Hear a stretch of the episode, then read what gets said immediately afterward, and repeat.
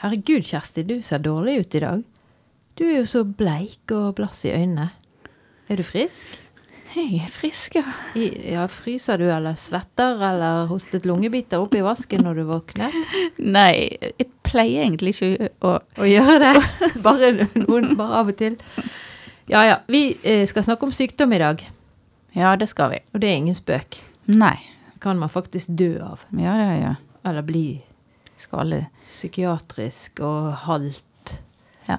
Men det, det er veldig mye god litteratur som handler om sykdom, da. Alt det vonde og vanskelige blir det god litteratur av, vet du.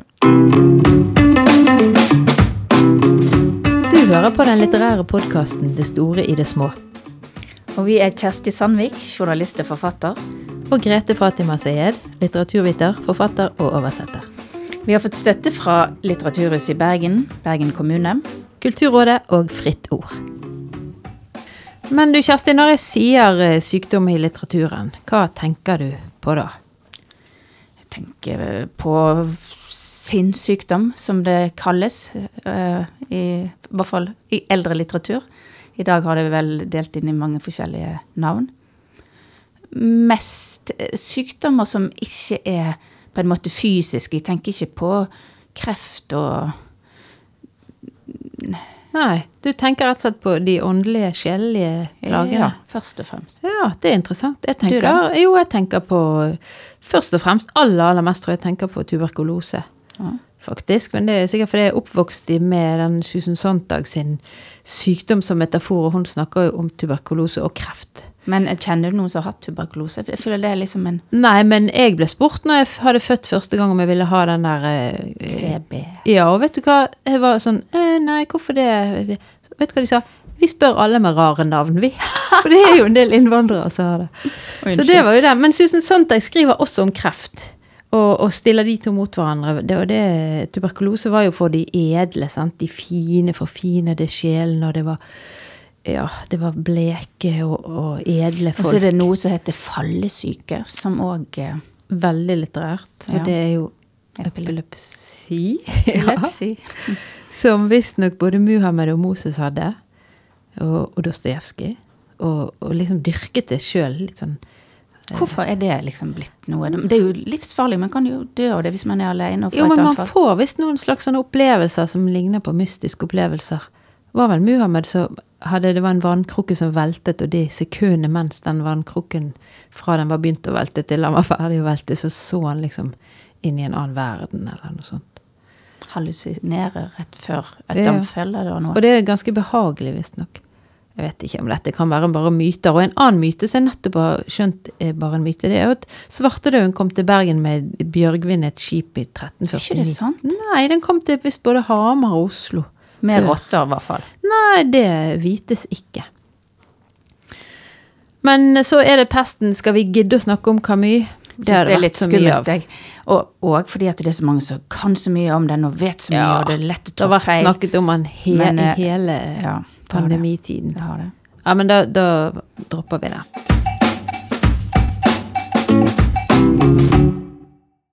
Men så har jeg en bok her som jeg likte utrolig godt når jeg leste den en gang på 90-tallet. Den heter Da Nietzsche gråt. Og Nietzsche, filosofen eh, Fredrik, Friedrich Nietzsche, som levde i Wien på 1880-årene, han fikk jo da syfilis, stakkar. Det er jo en sykdom som vi Den er heller heller ikke så veldig omtalt Nei, nå, den er ikke det. heldigvis. Men det er en god bok uansett. Det er Godt skrevet. Den har jo brukt mye autentisk materiale, da, men det er jo en roman. En roman. Ja. Ja. Eh, Alle disse her eh, berømte mm, psykoanalytikerne og, mm, i Wien på, i 1880-årene med Breuer og Freud og eh, Ja. Anna O. Så den, eh, den kan jeg Dere folk gå på ikke apotek. Bibliotek og Få låne. på blå resept. Og han der eh, Irvin Jalom, han er professor i psykiatri, så han vet sikkert hva han snakker om. Men, Ja. det, men jeg må bare spørre, er det liksom en biografi om Nietzsche sitt liv? Altså, du sa det var en roman, men, men det handler om livet Ja da.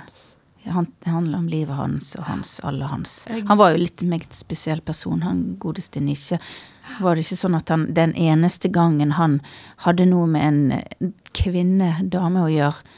Et, det var på et horehus, og det var da han fikk syfilis. Den eneste gangen? Ja, det visste jeg. Det, det, kaller jeg skikkelig uflaks. Ja, det må det være. Men mange av de der eh, mennene var jo veldig kyske. Altså Kantor var jo ikke akkurat noen Rundbrenner.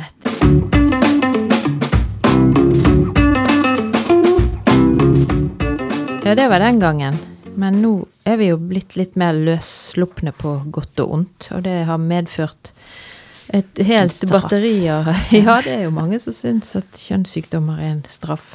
I hvert fall hvis de tilhører de, et kirkelig miljø og i tillegg er homofil, så har de slitt litt. Og sliter kanskje fortsatt, hva vet jeg.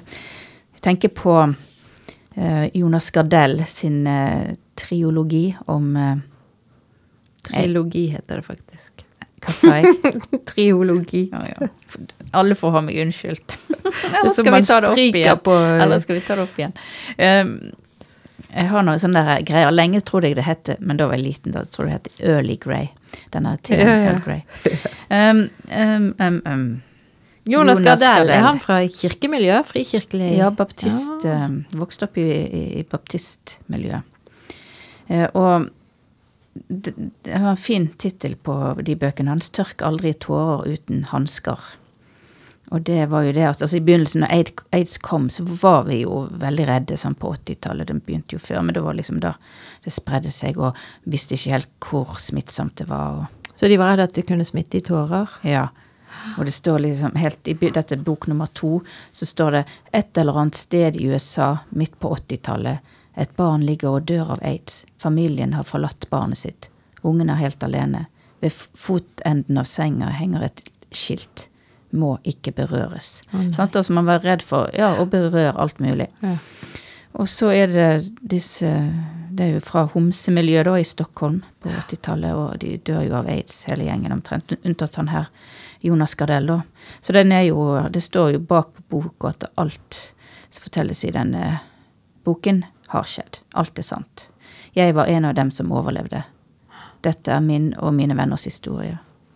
De kalte det homopesten. Mm. Den nye svartedauden. Mm. De hadde òg en sånn homsekreft, for det var en, en, spesiell type som man kunne få hvis man ikke visste at man hadde viruset. Så var det noen krefttyper som var liksom overhyppige i de miljøene som de legene ikke skjønte. De klødde seg i hodet og skjønte ingenting. Jeg har òg noen litt hårreisende historier om aids, men jeg skal gå en liten omvei, tenkte jeg. Fordi at det er en eh, forfatter her, en essayist, som heter Olivia Lang, som krever eller fortjener litt oppmerksomhet. Hun har skrevet noen veldig fine bøker, og nå har hun akkurat kommet ut med en ny. Den heter Funny, Funny Weather. Og det er om billedkunst og, og, annen kunst. Hun har vært litteraturredaktør i The Observer, hun her, så hun er jo ikke noen hvem som helst. Men hun er ikke så veldig kjent i Norge, tross alt. Jeg har selvfølgelig blitt tipset av min datter, som jeg blir av mye. Eh, jeg har flere bøker av henne her. Den ene heter To the River, og det er, handler om Virginia Woolf. Eh, hun druknet seg jo i elven Os. Med steiner i lommene gikk hun uti der. Og den mest berømte boken til Virginia Woolf er jo selvfølgelig To the Lighthouse, så det er et ordspill her. Det som Olivia Leng gjør i denne boken, er at hun setter seg fore å gå langs elven fra utløpet, den minste kilden, og helt til havet. Og mens hun gjør det, så funderer hun over eh, alt mulig, selvfølgelig slags litteratur som har med elver å, å gjøre. Barndomsminner. Eh, les Altså bi, biografiske snutter om andre, blant annet han herre eh, som skrev 'Det suser i sivet', Kenneth Graham, husker du han? 'The Wind in the Willows' med padder i Paddeborg og de her. Men jeg er spent på når sykdom kommer inn her. Sykdom kommer vi til, men vi må bare ta og gi det litt Har du dårlig tid? Nei da, jeg har hele ettermiddagen, jeg. Bra. Eh, det var veldig oppsiktsvekkende å lese historien om han, blant annet. Kenneth Graham. Du vet jo at en av mine kjepphester er at barnelitteratur ikke er forbeholdt barn. Det er for bra til det. Mm -hmm. Men da kommer jeg til den boken som Eidsen får en viktig plass i, som heter The Lonely City. Og den eh, byen som er lonely, eller som Olivia Leng er ensom når hun bor i, det er New York. Undertittelen på boken er 'Adventures in the Art of Being Alone'. Og her er det mye om eh, eh, forskjellige kunst- og homsemiljø i New York på slutten av 80-tallet og fremover. Andy Warhol har en eh, Skriver mye om han. Hun skriver altså veldig, veldig, veldig godt. Veldig spennende og nyanserikt. Eh, men det som virkelig var oppsiktsvekkende sånn kunnskap for meg, da, det var jo Jeg var jo selvfølgelig klar over at aids-syke ble marginalisert og skammet og mistenkeliggjort på alle måter. Men eh, at også lovverket og institusjoner var så forferdelige som de var, det visste jeg ikke. Eh, men eh, her I USA. I USA på 80-tallet. Det er jo Det er ikke så lenge siden, men har, boken har liksom vært en reise inn i en ikke så veldig fjern fortid. Og det de gjorde, det som er positivt med det, da, for det, medisinene ble jo De fikk ikke eh, medisiner og, eller noen ting. Og så organiserte de seg og gjorde oppstand. Og det syns jo jeg er en veldig lur ting å gjøre. Og noen av de hun følger mest, det er eh, fotografer og noen homofile par, da, som det er en Klaus Nomi, skriver han om. Peter, Peter Hujar og David Vojarovic, som var helt ukjente for meg. Men øh, den motstanden de gjør øh, for å få tvinge frem rett og slett endring i behandlinger. For å tvinge frem det her Food and Drug Administration til å godkjenne de nye medisinene og til å gjøre de tilgjengelige, ikke bare for de homofile, men òg for grupper som var ut, altså marginalisert stoffmisbrukere eller sprøytenarkomane og, og, kvinner og sånn. Og så vet du, USA har jo de tradisjon for sånne sit-ins. Det er jo Ja, da kommer man et sted, og så setter man seg der, og det er jo fra hippietiden, sikkert. Og det de laget, det var en die-in. Man Ja, det er jo stygt å le, men det var jo en markering, og, og det gjorde de bl.a. i St. Patrick. Patrick's Cathedral for å trekke oppmerksomheten mot uh, den katolske kirken, da, som selvfølgelig hadde kjempeproblemer med enkle grep for å få i stand uh, uh, trygg sex, safe sex, som det står. Så da var det annet en som hadde en sånn eh, banner eller oppslag med 'Hvis jeg dør av aids, glem begravelsen. Bare dropp kroppen min på trappene til det her Food and Drug Administration'. Så veldig sånn humor og satire inni, inni det alvorlige budskapet. Og litt altså, dokumentarisk. Det er riktig, det har skjedd, dette her. Det. Alt dette har skjedd. Dette er ikke noe hun finner på. Nei da, dette har skjedd. Uh, og, og veldig, selvfølgelig et hovedbudskap var at det er ikke bare sykdommen man får eller blir smittet av eller pådrar seg, men det er a diseased society, som det står her. Took, it didn't take me long to realize that I'd contracted a diseased society as well, sier da han her David Vojarovic. Uh, og den siste uh, motstanden de gjorde, som er veldig sterk, altså Eh, det var når han døde, han herr Vojnarovic, så eh, gikk de i en demo med et stort svart sånn banner eller sånn eh, Ja, poster bon, Hva heter det? Banner. Mm. Ja. Der står det David Vojnarovic 1954 til 1992 død av aids pga. government neglect. Og eh, i, nå er vi kommet til 92, da, så eh, kulminerte mye av dette her eh, motstandsarbeidet i at de hadde en sånn Ashes Action. Der de i Washington gikk i demonstrasjonstog. Da var det fortsatt ikke noen kur eller sånn som var kommet ut til folket. Og da var det hundrevis som møtte opp på trappene til Kapitolbygningen. Hør på dette, det er langt ute. Og de hadde altså tatt med seg urnene med askene av de sine kjære, og de bare tømte de, så de fikk blåse i vinden utover eh, Kapitol der. Og det er en av de som eh, ble spredd på den måten, var da han David Vojnarovic. Så det syns jeg var en utrolig sterk historie å lese, og, og, og den der eh, påminnelsen om at det det, det, altså det, det, er jo historie, men det er historie som vi har gjennomlevd. Ja. Det, og vi husker jo ting fra den tiden. Veldig. Husker Men- den redselen så liksom Ja, men, men det bleikner sånn, sant? mm. Når du, når du leser sånn som her, hvordan hun, uh, Olivia Leng beskriver det, så blir det veldig nærværende igjen.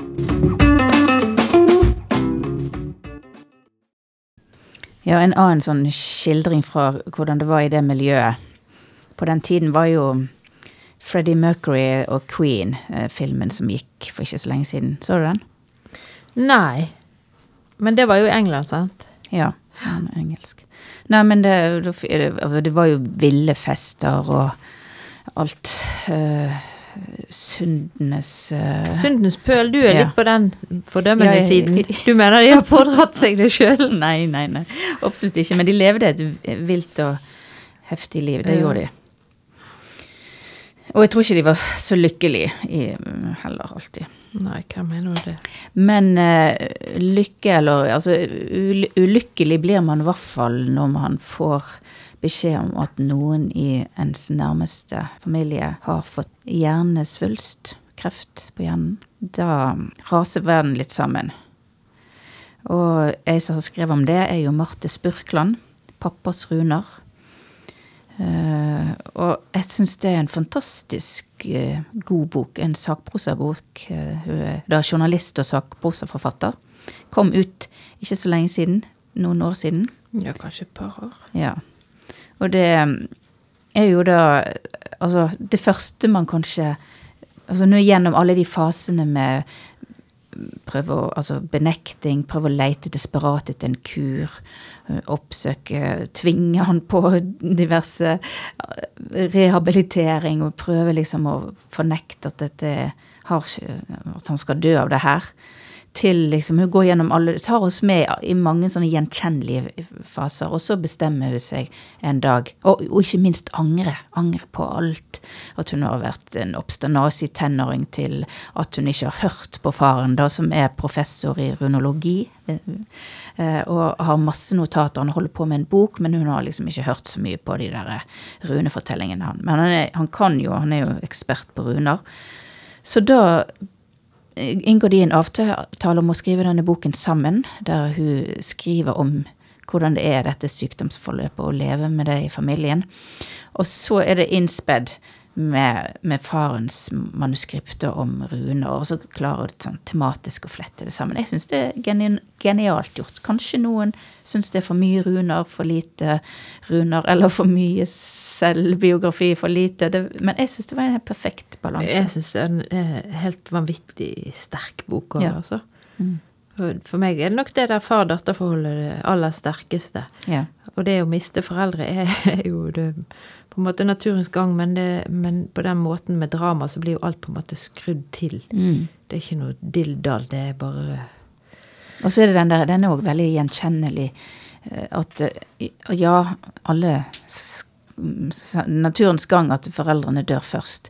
Men ikke min far, ikke ennå, for han var jo så sprek. Han svømte jo i, i fjorden og sprang opp på fjelltopper, og han- det var ikke hans. Han skulle bli enda eldre. Han skulle bli en gammel mann. sant? ja. Eh, Men også er det da, da på slutten da, så at det liksom innser at det, istedenfor å prøve å mot, altså stritte imot, så må man kanskje heller tenke at man skal få det beste ut av den tiden som man har igjen. Som tross alt er, ja. Ja, så det syns jeg òg hun òg. Men jeg satt jo med den jeg òg Å nei, liksom. Ja, ja. Bare, kan ikke det fungere? Ja. Kan ikke, selv om jeg visste at det Du kom vil ha en happy ending. Ja. Det, ja, det, akkurat det kjenner jeg meg helt igjen i. Og så, var det så Altså det der at de har det der sammen, det var òg litt sånn Jeg ble òg litt misunnelig, for Mm. de har jo tross alt en felles virkelig så, så de kan gjøre, skrive denne boken, og, og det blir jo selvfølgelig hennes bok til slutt, da, men det er jo en slags sånn kjempebautastein over, Mm. over faren. Så kjenner jeg liksom Å, de hadde noen mening, tross alt. Ja. Hun eh, Spurkland sin forrige bok, leste du den? Den het Klassen? Nei, jeg har bare lest om den. Ikke Den var veldig bra. altså Hun er virkelig talentfull. Det, var, eh, det er om et år i en skoleklasse som hun følger tett på. Nei, det er kjempe Hun, hun vet hva hun gjør, hun òg. Mm. Det er jo godt. Det kjennes så Vi er trygt flere ja, men det kjennes så trygt ut å overgi seg til noen som du merker bare har den der hånden rundt det hele fra begynnelsen av. Mm. Da kan jeg være med på alle mulige reiser i Ja, og det er ikke verst å nærmest lage en page-tønner med det. På 400 sider. Ja. Mm. Med disse her futark og masse fagstoff òg.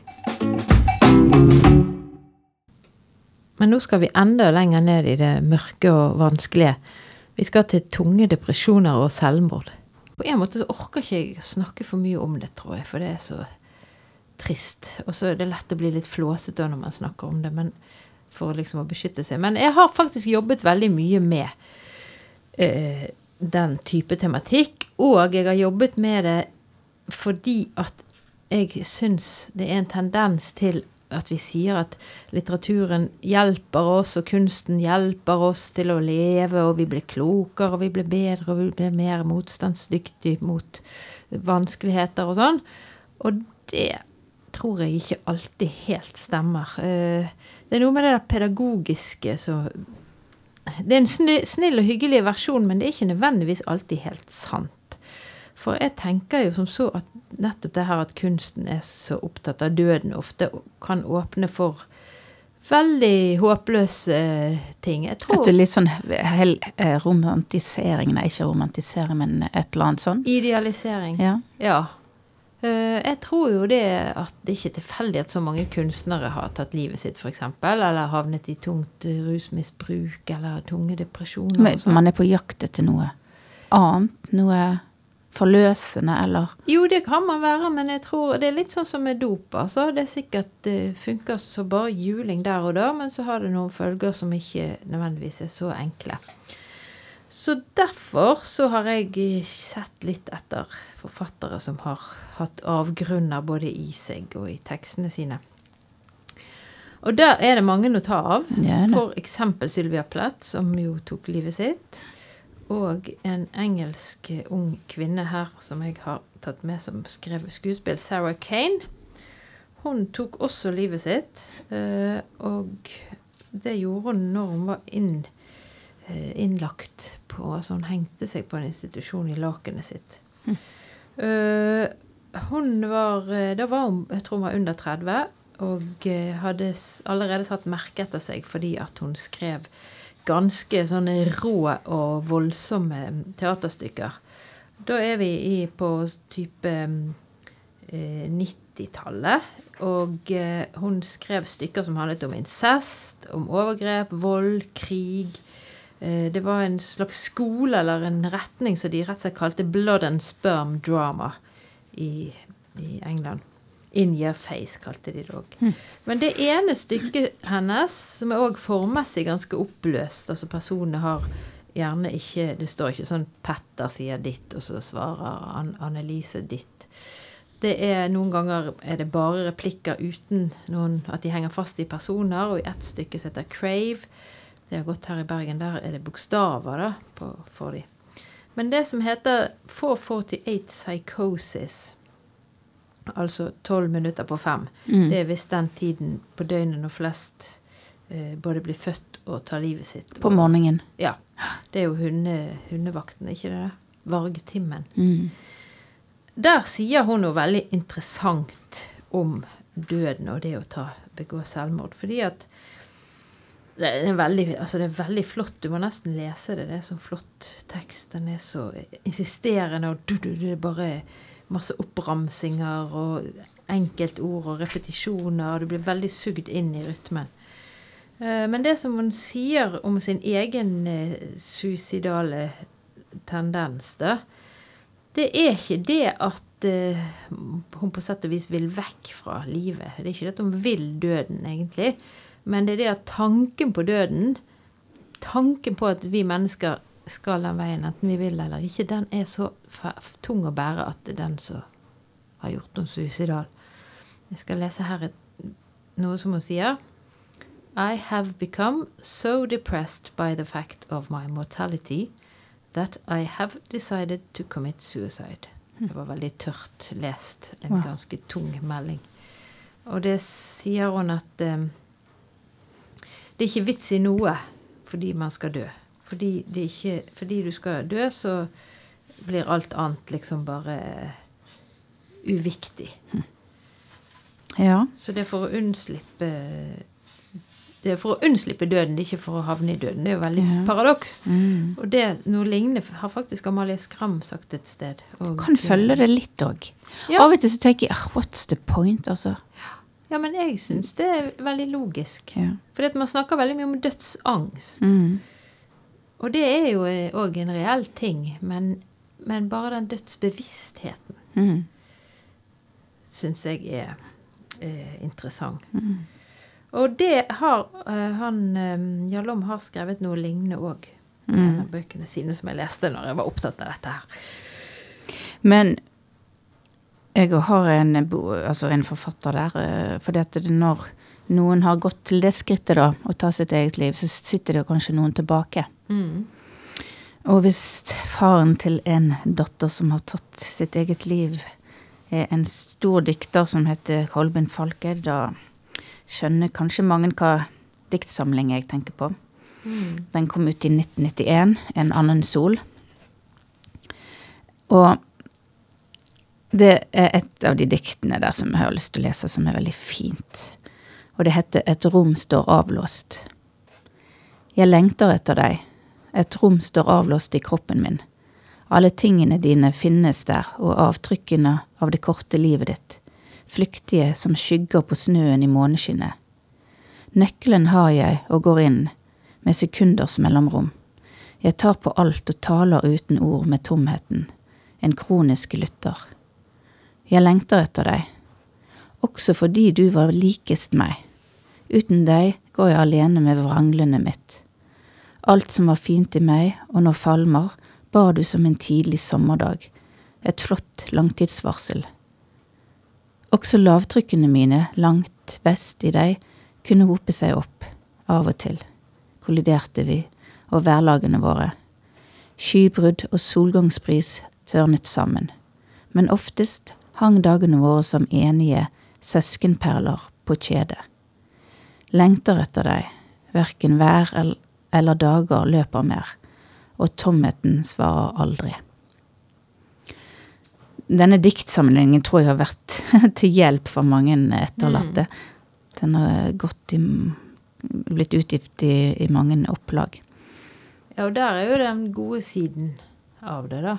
At Ja, og så har- kan på en eller annen måte gjennom å gi form til ting Ja, være trøst, eller ja. Um, og han har Altså, han tar opp mange av de der tematikkene, sant, så ba, ja, folk, Hva skal folk si når de møter noen? Det er jo ta han opp i, i diktene sine her. Mm. Og hva med sånn selvbebreidelse, da? Så jeg tenker Det å miste et barn må jo være det verste. Hinsides Nei, men jeg tror man Altså, når, når noen er syk, det er ikke noens feil at noen er syk. Det, Nei, men det går jo an å bebreide seg for Det går an. Men han er ikke, den er ikke sånn bebreidende. Jeg tror han har kommet gjennom det, på en måte. Men nå, Kjersti, før vi aldeles går og legger oss under torven her, må vi ha litt eh, avslutte på en positiv tone. Jeg har jo revet så mye ut av aviser den siste tiden om denne her. Epidemien er vår egen feil, for eksempel. Det er jo eh, ikke sånn til å bli kjempelykkelig av. Koronaen. Ja, ja, ja. Den er, var en Klart varslet katastrofe. Verdens helseorganisasjon og gud vet hvem hadde liksom ropt og skreket i 20 år, og vi har bare vendt det døve øret Men hva skulle vi gjort da? Sluttet Nei, å reise, sluttet å Jo, spise men, dyr. men det mitt poeng nå er at vi kan ikke gå ut i verden med denne møllesteinen rundt halsen. Vi må, vi må ha litt eh, glede i disse triste tidene òg. Og i denne bunken av utrevne artikler jeg har foran meg her, så er det jo mye om kjønn, om klasse, om historie og alt sånt. Og, og det at noen sykdommer har status, det kan vi faktisk utnytte litt. Fordi at eh, en av artiklene om eh, sykdomshistorie fra Klassekampen går ut på det at mange av de sykdommene som nå har liten status, f.eks. ME, som er sånn kvinne, å ja, stakkar deg, sutring, kjerring, sånn. Det har de for 100 år siden hatt veldig lignende symptomer, men da var det gjerne menn som levde av sitt hjernearbeide som hadde det, og de ble tilrådd hvile og alt sånn eh, gode ting. Og da het det f.eks. neurasteni. Oh, ja. Så det er mitt lille poeng her til slutt. At eh, jeg, jeg har tenkt å prøve å gjenopplive den den diagnosen, og eh, Fibromyalgi, er Nei, ikke det den har lav status. Det er kvinnesykdom, sant? Den, nei, den går ikke. Men jeg skal uh, prøve å overbevise omgivelsene om at jeg er litt nevrastenisk, nevrastisk i dag. Og se om det kan føre til noen gode bieffekter. respekt på en måte for sykdommen. Ja, ja, ja. Respekt for neurosteni. Ja, da har vi det. Da har vi det.